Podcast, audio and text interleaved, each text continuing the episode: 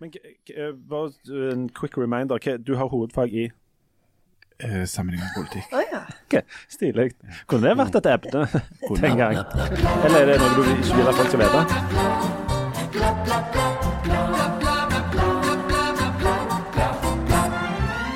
Men Jan, du har, du har jo alltid vært helt lik, sant?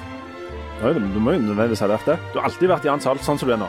Hva seier. jeg? Eh, ja. Ja, Ikke? Aldri endra deg noe? Aldri. Aldri. Aldri! Aldri. Ikke som det smalt. Jeg er som jeg er, og det får dere bare leve med. Ja. Ja.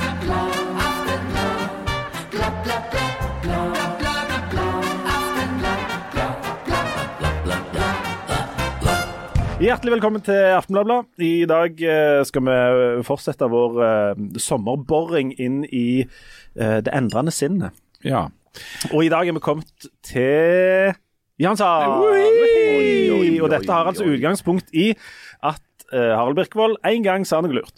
Ikke sant, Jan? Han sa en gang i løpet av denne våren at et sant intellektuelt menneske er i stand til å skifte mening basert på si, ny informasjon og på rasjonalitet, men at spesielt voksne menn har vanskelig for å, å skifte mening.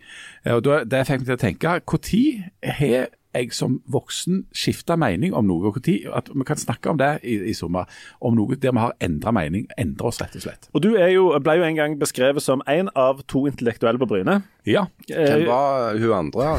Hvem var han? Nei, Det er litt uklart. Det var litt sånn anonymt. Eh, hvem, hvem, De tok bare høyde for at det antageligvis var Det var hun på biblioteket, ja. Ja, jeg er ikke bare så anonyme.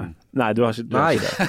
Du har, du har jo ikke det. Har ikke det. Uh, men, du, men, eh, men ja, du er jo oppvokst i et slags sånn eh, vil jeg tro litt sånn eh, tenkende miljø. Du har hatt foreldre som har vært, eh, vært store tenkere på Bryne, og, og, og lærere. Og, og alle rundt deg har til enhver tid tenkt veldig lange tanker med enormt lange utdannelser, og dere har bare hatt sånn intelligente diskusjoner hjemme og i ditt miljø. Jeg har aldri hørt livet mitt oppsummert så presist fra oppveksten som akkurat der.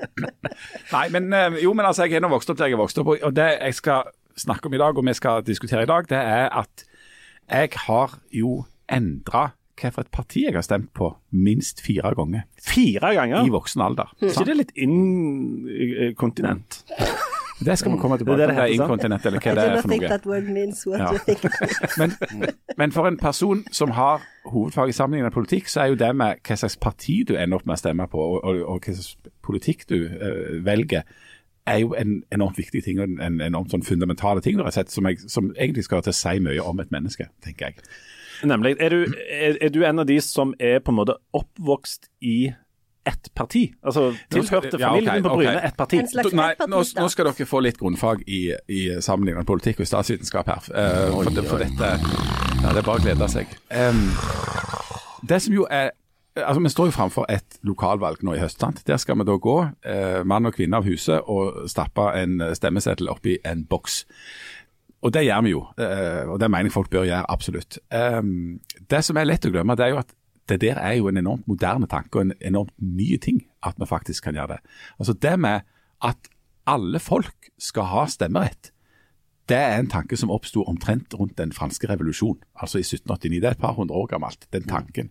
Um, da, da kom en, en revolusjonær valglov i Frankrike i 1792, tre år etter revolusjonen, som i prinsippet ga stemmerett til vanlige folk. Altså, det er en helt radikale tanke at vanlige folk ganske, eller, ja, skal kunne legge den der stemmen eh, i en boks, og at det skal avgjøre hvem som skal styre de. Nå, men så er det jo sånn at definisjonen av vanlige folk har jo variert, da, eh, for å si det forsiktig. Sånn at når Norge fikk en grunnlov i 1814, så ble den regna som en av de mest demokratiske grunnlovene i hele verden.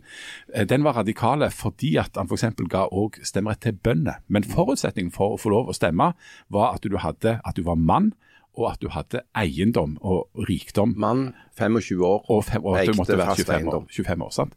Sånn at den allmenne stemmeretten, igjen da bare for alle menn i Norge, den er fra 1898, og så kom man for kvinner i 1913. Sånn at det at menn og kvinner, vanlige folk skal kunne gå og stemme, det er noe som er ca. 100 år gammelt i Norge. Det er ikke veldig gammelt.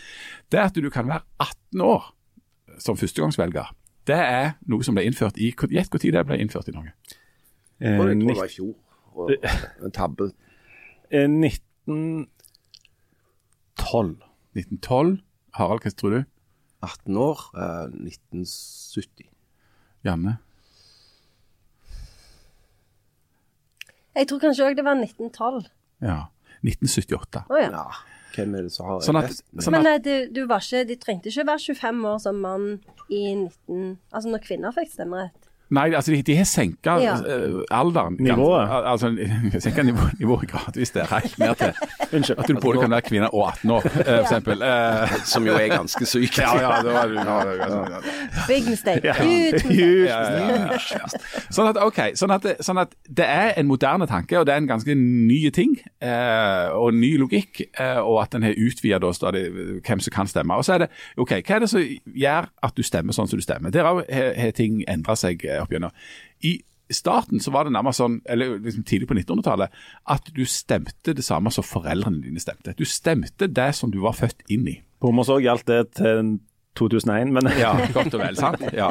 Og, og det betyr at hvis du, hvis du, eh, hvis du var arbeider, eller altså hvis du, hvis du var den som arbeidet i industrien, eh, så stemte du på Arbeiderpartiet. Og hvis du var direktøren i industrien, eller var en del av borgerskapet, så stemte du mer borgerlig, rett og slett. Hvis du eh, bodde på Vestlandet, sånn som vi gjør, i- i bygdene rundt omkring der, så var sjansen stor for at du kunne stemme Kristelig Folkeparti, fordi at eh, kristendommen sto sterkt der. sånn var det på Homers òg fram til 2021. Ja, fram til 2021. Venstre.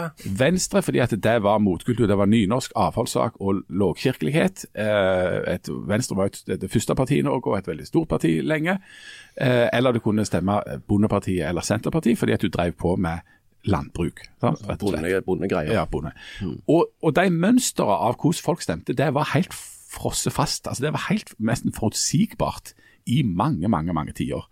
Um, men så begynte det å skje en sånn endring på sånn slutten av 60-tallet.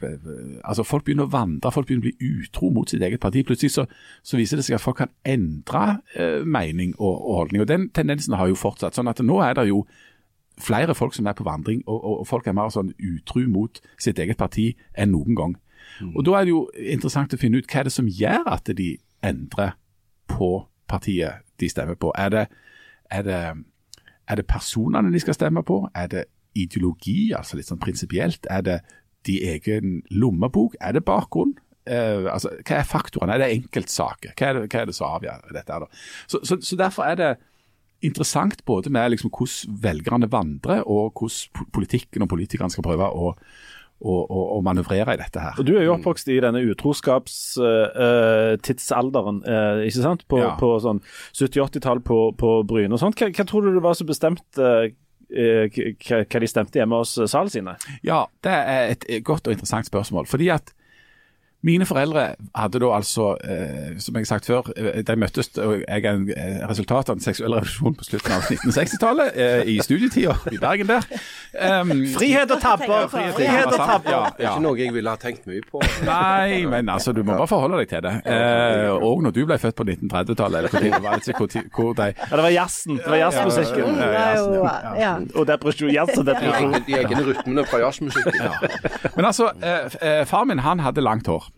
eh, Og var lærer, eh, og, og så sånn sett ut som sånn som du ville trodd var en sånn typisk sånn SVR-type. Eh, Men han kom ifra, eh, ifra, ifra, Vigre, altså fra Vigrestad på Jæren. Eh, Jæren har aldri vært en plass der sosialismen har stått sterkt. Eh, Og det gjør han fremdeles ikke i dag. Altså Venstresida har store problemer med å, å nå gjennom der. Der er det bondenæring, og det er jo veldig sånn entreprenørskap. Det er mye mer borgerlige folk som stemmer der.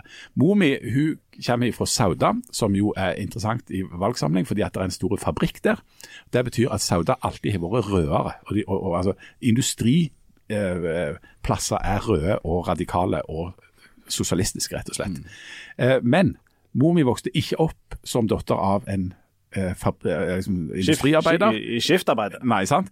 Eh, faren drev en egen elektrisk forretning, så han var sånn sett en del av på en måte altså, ja, Handelsborgerskapet. handelsborgerskapet. sant? Ikke noe sånn stort eller, eller fancy, eller noe sånt, men, men, men, men heller ikke industriarbeider. Og så Derfor er det litt sånn forvirrende i bakgrunnen der. så Selv om faren min gikk rundt og så ut som han stemte SV og hadde langt hår, så kom han ikke fra, fra noe sånn, den typen bakgrunn. Og hvis jeg skal være helt ærlig, så er jeg ikke helt sikker på hva de stemte. Jeg, jeg, jeg tror far min kan ha stemt SV, men jeg vet ikke. Janne, var du oppvokst i en sånn eh, hjem der det var et parti? Ja, der var det et parti. det? Mm. Eh, Du vil ikke røpe hvilket selvfølgelig? Ja, jeg, jeg er usikker på hva som er normen eh, i, i dette programmet. Det, det, er lov, med, altså, med, det er ikke nødvendigvis poeng å, å liksom fortelle hva vi stemmer på nå, men, men, men, men det var ett parti. altså dere, Du er oppvokst i en slags sånn, tradisjon for at vi hører til omtrent der? Ja, altså foreldrene mine hører jo òg inn under dette her handelsborgerskapet som dere Ja. snakker om. De eide jo butikk i Sandnes, så de var, eh, stemte nok ut ifra det. Mm. Og Harald, dere eikte jo òg Foreldre, altså, Din Ja, slekt eier jo Kvadrat, Tvettsenteret og et par andre ting. Så dere stemmer vel Vita valgallianse, da, eller et eller annet? Nei, altså, min bakgrunn er jo ikke den, er litt sånn forvirrende for meg. for det at eh, hvis du bare, det er jo sånn veldig mange nordmenn på min alder, hvis du bare graver bitte litt i overflaten, så er du jo tilbake til bønder og fiskere og sjøfolk ikke sant, på veldig kort tid. Eh, sånn at min, min mor sin familie kom nok fra en sånn derre altså Den litt kristelige delen av arbeiderbevegelsen, kan du si. Kristensosialisme. Ja, litt der. Um, en litt sånn blanding av en viss sånn eh, gudstro og uh, en del sånn arbeiderbevegelse. De ville hatt Ro, Gunnar Roaldkvam som ordfører, hvis de kunne Ja, hvis ikke han var SV-er. Ja, ja, de syntes nok at det var å gå litt langt. Det var å gå litt Uh, Men altså, en god del, av de var liksom solid plassert i Ap, vil jeg si. Um, mens far min, eller, ja, far min sin familie kom mer ifra bønder som etter hvert ble noen av de ble lærere og sånn. Jeg, mistenker at de kan jo ha kommet på å stemme f.eks. Venstre. Mm. men kanskje òg Kristelig Folkeparti. Mine, mine folk er nok eh, klassiske KrF-ere. Altså det er, det er kirke og bedehus mm. på- litt sånn eh, lavkirkelig nivå. Det, det er nok òg en sånn plass der f.eks. Høyre kan ha stilt ganske godt, men eh, sånn klassisk eh, KrF-ere. Og, um, og det skulle en jo tro prege oss. Men når, når eh, unge Sal da kryper ut av eh, den litt sexy korpsuniformen på Bryne og nærmer seg stemmeurnene da går du antageligvis bort og så tenker du ja, skal vi se, mor mi og far min stemmer leg, og da stemmer jeg sleg. Nei, jeg tenkte jo ikke på det. Eh, fordi at jeg, hadde blitt frigjort og blitt et fritt menneske, og var allerede eh, tidlig veldig intellektuell. Nei, det var jeg selvfølgelig ikke. Men, men, men, men, det, ligger, det ligger der i, den oppveksten allerede, det der med friheten. Altså, altså vi har blitt individualiserte på det tidspunktet, og, og, og føler at vi tenker selv, selv om en jo tenker mindre sjøl enn en tror, fordi at en er preget av bakgrunnen. Men, men sant, lærerforeldre på byggefelt på Bryne Uh, Det finnes jo flere parti for som ble regna som lærerparti. Det gamle, tidligere lærerpartiet var jo Venstre veldig tydelig. Etter hvert er nok- er òg SV blitt eh, et, eh, et lærerparti. Eh, Men òg altså, lærere jobber i offentlig sektor. Folk som jobber i offentlig sektor har gjerne en hang mot parti som er veldig innstilt overfor offentlig sektor. Så liksom, Arbeiderpartiet kan òg fort være et parti for lærere. Men første gang jeg, altså Noe av utfordringen i dette programmet er at jeg ikke har tenkt å avsløre eller, og, håper at liksom, Ingen av oss nødvendigvis trenger å avsløre hvilket parti vi har havna på nå. For det er litt med rollen vår å gjøre. at eh, hvis, vi skal kommentere på politikk og, og sånn som det der, så, så, så bør det ikke, være for, liksom, bør det ikke ha for tydelige sånn akkurat hvilket parti vi, vi stemmer på nå. Uh, men jeg, jeg, skal, jeg skal sveipe innom noen av partiene jeg har stemt på. Uh, og så, ja, og jeg kan, jeg kan fortelle, jeg kan avsløre hva jeg stemte første gang jeg stemte. Første Ja, og hva år var det? Det var i kommunevalg eller stortingsvalg i Ja, 1980, altså Jeg er jo født i 69, så jeg var 18 i 87. Ja, Ok. da var det valg. Da var det valg. Ja, Vi kan vel alle røpe hva vi stemte første gangen? Skal vi det? Ja, Hvis vi husker det. Jeg, husker det ikke. Ja, hva, hva, hvordan gikk det? Jeg, jeg gjorde Altså, jeg eh, føler meg typisk der for det som nok er typisk for førstegangsvelgere. Um, og det er at du er litt sånn idealistiske og litt eh, eh, ja, radikale. Så første gang jeg stemte, så føltes det naturlig å stemme på SV. Ja, Det gjorde jeg òg. Ja. Det- og, og det hadde nok bakgrunn i den der unge idealismen og, altså, som føles av sånn urettferdighet og, og, nei til kapitalismen og utbygging og krig og, alt det greiene.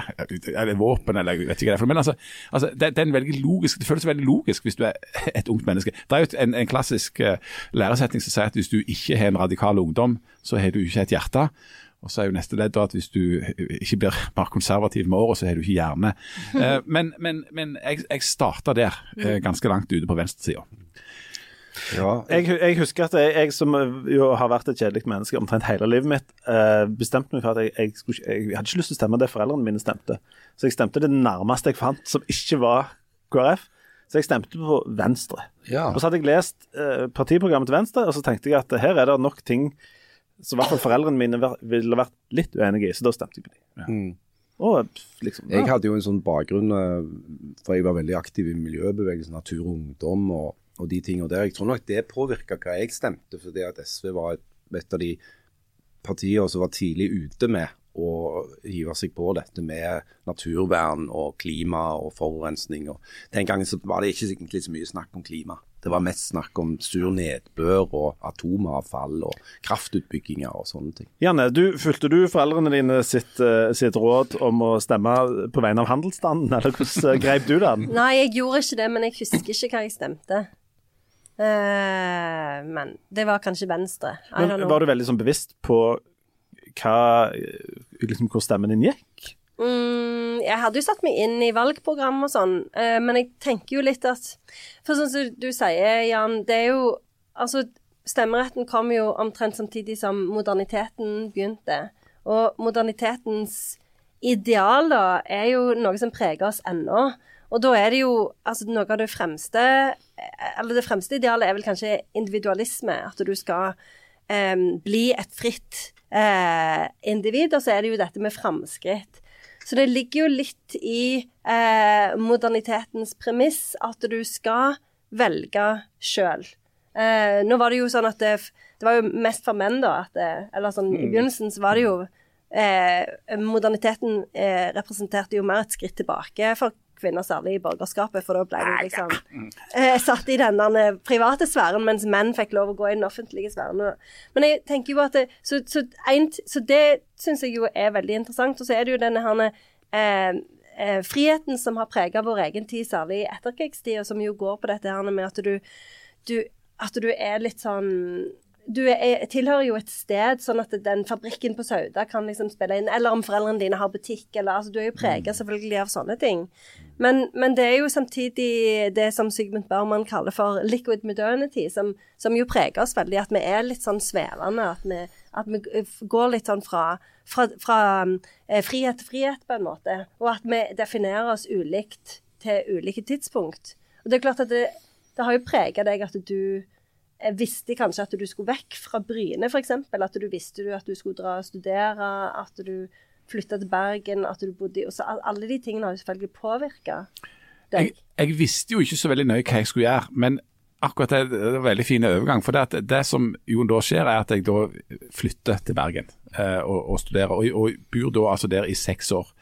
Og Det å komme til Bergen, det var jo å komme til et miljø der eh, jeg fikk bekrefta alle disse radikale tankene. Altså, var, altså der var det, der var folk ganske radikale, rett og slett. Um, um, det fantes, det, det, det, det, det noen sånne løgner som var med i en sånn, sånn konservativ forening, et eller annet, men det var sånne raringer med, med bærumsdialekt og, og, og, og, og hvite skjorter. Ja, store hva- sosiale vansker.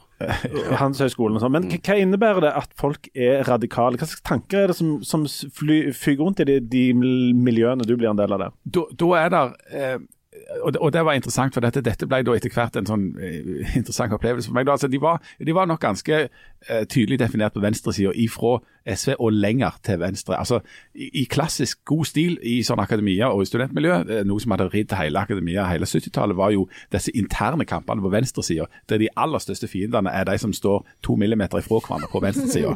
sånn at det var stadig nye sånne uh, grupper som oppsto. Av og til heter det Rosso, og av og til het altså, det heter alltid nye ting. uh, disse radikale greiene der oppe. Der var der, uh, og, og dette var jo preget av f.eks. Harald sin gode venn Aslak Sira Myhre var jo veldig aktiv i dette miljøet og var eh, liksom styrerepresentant eh, for studentene i, i det akademiske kollegium og veldig sånn tydelige politikere oppi der. Sant? Ganske langt til venstre. Og jeg merket at jeg, pass, jeg, var ikke helt der.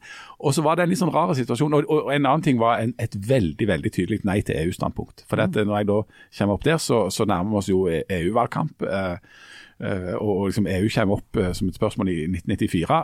Veldig tydelig eh, nei til det. Det som jeg og så begynte jeg med å studere språk. Sant? Jeg studerte først engelsk, og så studerte jeg spansk, og så begynte jeg da å studere politikk. Sant? Sånn at jeg eh, begynner da å, å, å lese meg opp på hva politikk er for noe, hva ideologi er, og hvor dette stammer ifra, og hvordan det har fungert i praksis. alt dette. Og så, og så skjer det rare at i dette miljøet der det framfor alt var enormt sånn innforstått. Altså, du sa aldri noe annet enn det som alle var helt enige om. Og det var veldig sånn innforstått humor. sånn her, Du kunne bare peke på noen med en sånn feil eh, skjorte eller klær eller feil standpunkt. Så sier Jan P. Syse, så lo alle. Ja, så lo alle. sant? Du trenger ikke si noen gang, for dette var helt åpenbart. Ja, sånn, Veldig bra Ja, Men bare Jan P. Syse. Du, du, du, trenger ikke argumentere. Du trenger ikke argumentere sant? Du kan bare, kan bare, kan bare liksom peke på noen, og så er det sånn Ja, ja, er sånn. Humre, humre. Sånn at, sånn at det, og der er det den der eh, rare ubalansen imellom at det tilsynelatende skal være veldig sånn fritt og intellektuelt og åpent, og alt det der, og så egentlig er det enormt trått. Så da aner, det, aner det meg at når du uh, plutselig da skal stemme neste gang, at du må begynne å tenke på ja, det er SV Er det rett, da? Ja, for jeg måtte jo begynne å tenke inn i det. For det første så begynte du, jeg måtte begynne å tenke grundig gjennom dette med EU. Jeg, om jeg var jeg for eller mot EU? Og så, Jo mer jeg tenkte på det, jo mer kom jeg jo fram til at jeg er jo for EU.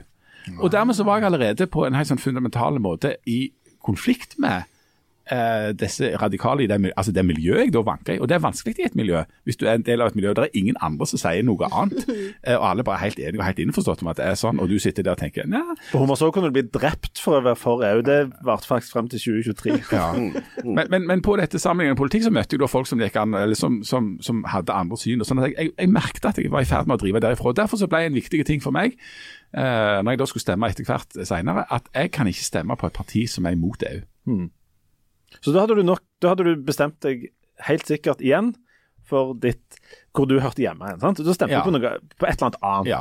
ja. Så da skifta jeg mening. Så da holdt du deg vel til det, da, neste gang det var valg? Eh, eller? Harald, du Not so much. Nei, altså, men jeg tenker det, det er jo det Altså, Vi sitter jo og diskuterer nå, og det, det, er ganske naturlig når du er, tror jeg, når du er et ungt menneske og er førstegangsvelger eller er, er ferske som velger, at du, du, tenker sånn Hvor er det jeg hører til? Jeg, du, du, du, ser på partiene, og så ser du hvilket av de partiene ligner mest på meg. Eh, Jan Pessise. Men så er det sånn at kanskje når du blir eldre, da, så er du mindre opptatt av det og mer opptatt av en sak eller eh, et bestemt spørsmål et eller annet verdispørsmål eller et ideologisk spørsmål som er viktig for deg, og at du da velger parti ikke fordi at du ønsker at partiet skal være på en måte deg, men at det er det som skal hjelpe deg å løse et eller annet problem du har, eller noe du mener er veldig viktig. Eh, og Det blir en litt annen, annen, måte å tenke på politikk på. Og Det tror jeg òg kan forklare at eh, velgerne blir mer og mer sånn hva var det du kalte det, Jan, utro. Eller at de, de, ikke, de er ikke liksom vokst inn i et parti, og så blir de der. Men det er fordi at partiene er mer en form for et verktøy til å løse et problem. Så er du er veldig for eller imot uh, lakseskatten, da, så stemmer du ut ifra hva partiene mener om den. Men ombestemte du deg andre gang? Eller tredje gang? Eller liksom et av de neste valgene? Ja, jeg, ja. jeg tror jeg gjorde det. Men jeg klarer ikke helt å huske lenger hva jeg stemte. Men jeg, jeg tror jeg har stemt i så å si alle jeg vet jeg har stemt i alle stortingsvalg så lenge jeg har hatt anledning til det. Og jeg har stemt i de fleste lokalvalg, og jeg tror kanskje jeg var litt sånn eh, lite flink til det når jeg ikke bodde i Stavanger. Eh, jeg vet ikke om jeg gjorde det når jeg bodde i Bergen, altså. Janne, ombestemte du deg? Eller holdt du deg liksom i nærheten? Husker du det? Det er jo lenge siden. Hvorfor plager dere meg med disse spørsmålene? Bla, bla, bla, bla. Du skal jo ha et oppgjør med deg sjøl, et sånn politisk sånn sjølerklæring nå. Eh, Men, sjølmelding. Har, har du lært Ja, jeg, jeg, øh, jeg, om, ja, jeg, jeg, stemte på noe annet. Ikke, ikke på en måte radikalt.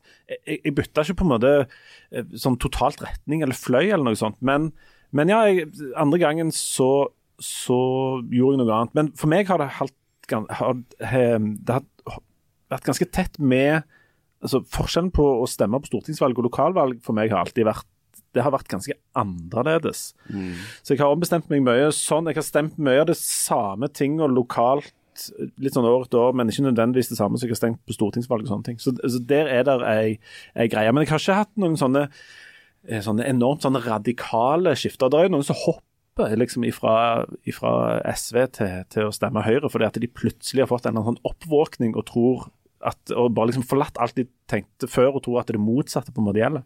Sånn har ikke jeg hatt det. Men har, har du vært der, liksom? Og, og, det er interessant. for at hvis vi skal Ja, For, for å eh, ta det først, opp, um, før på en måte kronologien i det. Så, så er det sånn at altså, Jeg har stemt fire ulike parti uh, til sammen. Uh, fem hvis du regner med det året jeg var med i sånn Erling Fossen sin uh, urbanistiske, uh, antinasjonale uh, falangs borte i, i, Oslo. Men, men drev og arrangerte sånn politisk diskusjonsbar og var veldig sånn opposisjon til, til liksom nasjonalstater. Stemte dere? Glemte Erling Fossen. Ja, ja. Stemte dere på dere sjøl, da? Eller? Nei, da, da, var vi på en måte Da mente vi jo egentlig at det var liksom regionenes Europa, og at nasjonalstaten sto i veien for, for liksom integrasjon og det der, og at vi måtte, måtte protestere mot, mot det nasjonale med. Og da, så vi hadde valgvake tilbake for folk som ikke som nekta å stemme, eller som stemte blankt, eller som ikke stemte. It was the best of time. så, så, så, det, har jeg òg gjort. We are the world. Ja. We are the children. Men, men, grunnen til at det er fire parti, er nettopp fordi at eh, jeg har stemt annerledes på lokalvalg enn ved nasjonale valg. Og For å ta det lokale først, da.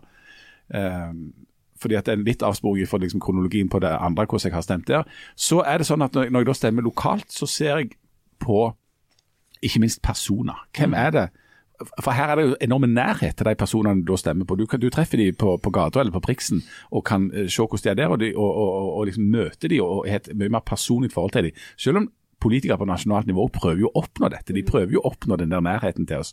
Så, så, så er det noe annet på lokalt nivå. Så jeg har stemt andre ting av og til eh, lokalt enn jeg da har gjort eh, sentralt.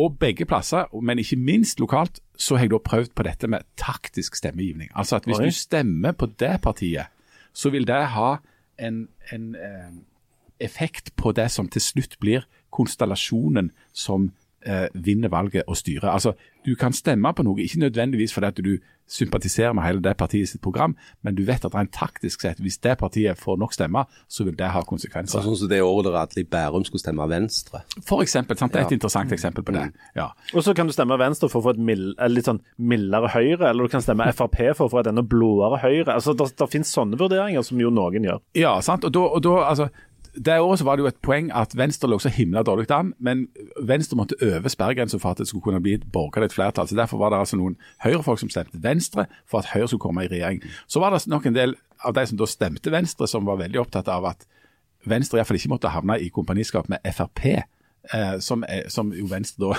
på et visst tidspunkt gjorde. Så der var det sånn, altså, så, så alt dette er jo uperfekt. Og det, er helt, og, og, og det å sjonglere med en masse sånn ukjente som gjør at det er helt umulig å egentlig vite akkurat hvordan det går. Mm. Men er dere stemt taktisk noen gang? Nei. Nei, men jeg har vel stemt litt av et, eller et par ganger, så vidt jeg husker, i, i frykt for å kaste vekk stemmen. Ja. Altså, du tenker jeg kunne tenkt meg å stemme på det partiet, men de har jo f.eks. ikke sjans. sant? Eh, da er det kanskje bedre å stemme på et parti som faktisk kan få innflytelse. Det er kjekkere å være på vinnerlaget? Ja, sant. Så, så, de siste 20 åra har jeg bare stemt på Høyre, da. Så, ja, jeg, jeg, har jo lyst til å være en vinner. men, men, eh, sånn har jeg tenkt, da. Ja. Men, men, hvis vi da skal vende tilbake til det som er eh, denne sommerens tema, nemlig dette med endring og vilje til eh, altså intellektuell endring og skifte mening. Er vi nå på endring når vi driver med sånn taktisk stemmegivning, eller er det bare ren sånn kynisme? For Hvis det var sånn at vi dypt inni oss var av en eller annen overbevisning en sånn partipolitisk, så er jo dette vi holder på med nå Hva skal det karakteriseres som? Mm. Men jeg, men jeg tenker at det, det, må jo, det må jo ha noe å si om, liksom, om, om, politikk er noe av identiteten din eller ikke. For dette sånn som En snakker jo om at uh, i, i, på 1900-tallet så, så uh, ble det jo en slutt på alle de der store ideologiene. sånn Du var liksom ikke kommunist uh, lenger. fordi at du, du, identifiserte deg ikke så sterkt med, med politikken, eller det var liksom ikke ideologi var gjerne ikke en del av den uttalte identiteten din. Så, så, så, men hvis du tenker at Altså, hvis du velger ut ifra saker, så er det jo ikke en Da er det jo på en måte en del av identiteten din, men, men, men ikke som at liksom Altså, ikke som at du regner deg som liksom at Arbeiderpartiet og deg er liksom to sider av samme For life. Ja. Sant? Mm, men det sier jo òg noe det at um, Altså Hvis du er kommunist, da. Hvis du fortsatt, ja, det er jo noen av de ennå. Eh, da er du ideologisk, ikke sant. Men eh, et av de mest vellykka triksene til høyresida, det er jo å overbevise folk om at det å være veldig f.eks. markedsliberalistisk ikke er en ideologi, mm. som det jo er. Eh, sånn at du har, fått, du har, på en måte diskreditert det ideologiske ved å stemple det på en bestemt fløy. Men er det, kan jeg bare si, er, det, ikke, er det ikke sånn at markedsliberalismen er egentlig rammeverket som alle de politiske partiene er en del av. Sånn at alle Landsmøtet bare... i Rødt ville tatt avstand fra det. Ja, utenom Rødt, da. Men, eh, Og sånn SV, at, SV SV også sånn, Ja. eh, de ville tatt et slags, sånn, en slags dissens. Vil tatt dissens, men de er jo kanskje kanskje litt ut på, ut, litt ut på sida, men alle er jo innenfor et markedsliberalistisk Men da ser du altså vekk ifra at markedsliberalismen er en ideologi med sterke ideologiske Ja, ja. komponenter.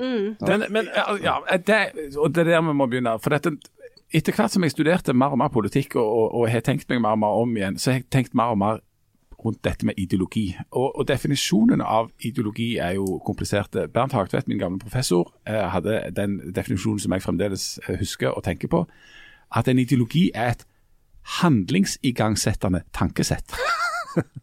Men Altså, er der, ja. altså, altså det, er bare, det er ikke bare tankesett, men det er et tankesett som krever at du, at du setter i gang noen handlinger for at du skal oppnå noe. Og, det, og Der er på en måte markedsliberalismen ikke Litt sånn uklart om det er uh, handlingsigangsettende Du tankesett. Du setter i gang en omfattende reform av, Ja, det- okay. ok. eh, sant? som gjør at du får mer private barnehager. Det er et ideologisk handlingsigangsettende Men for, for å pensle dette tilbake igjen til liksom sånn det spørsmålet du altså, Som liksom dette kretser litt rundt. Det der med å, å, å ta inn over seg alle disse her tingene sånn, og så på en måte ombestemme seg eller gjøre et annet valg og sånt, det er jo sånn, Vi vil jo at det skal være sånn adelsmerke at du finner noen bedre argumenter, bytte standpunkt. sant? Samtidig, hvis du, eh, eh, Jan Sahl fra Bryne, har stemt på halvparten av de norske partiene, så er du jo òg en vinglepitter og eh, sånn, en som ikke klarer å bestemme seg, aldri klarer å stå for noe og sånt. Er jo, altså, er du det ene, eller er du det andre her? Ja, men var det ikke- Syns du sjøl? Var vi ikke enige om at det var en god ting hvis vi var i stand til å skifte mening?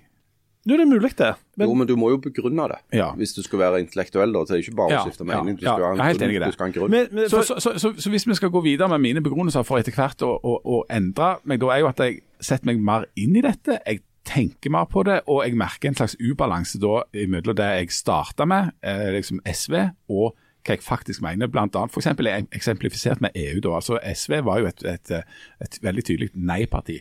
Og Da oppstår det f.eks. en sak der som er en sånn konkret sak som gjør at jeg tenker jeg kan ikke stemme på det partiet. Jeg kan ikke stemme på noen parti som er veldig imot EU, fordi jeg er veldig for EU, kom jeg fram til etter å ha tenkt meg om. Og så, og, så, og så er det sånn, OK, er det da Og så har jeg sett på eh, og så, for- så bedømmer du jo på en måte partiet. Altså, jeg har hovedfag i sammenlignende politikk, men hver, hver gang det er valg, så er det jo det vi driver på med. Vi driver jo og sammenligner politikk. Det er jo sammenlignende politikk. Du ser på de ulike partiene, og så sammenligner du de, Det er ikke alle som og gjør det politikkene deres. like profesjonelt blikk som deg. Nei, nei. Men alle gjør det på amatørbasis. sant? Ja.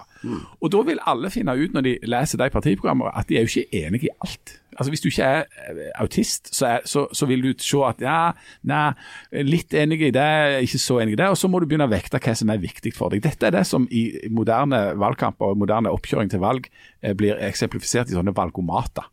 Altså Der du går inn og så svarer du på, i saker og vekter hva som er viktig for deg. og så Hvem får du et sånt svar. Ja, Hvem er du mest enig med? For du er ikke helt Eller enig med noen. Enig med. Og så er det jo en kompliserende ting oppi dette her. Det er jo at det er jo ikke bare eh, Jan Hall fra Bryne som forandrer seg, men disse partiene forandrer seg òg, som er utrolig irriterende.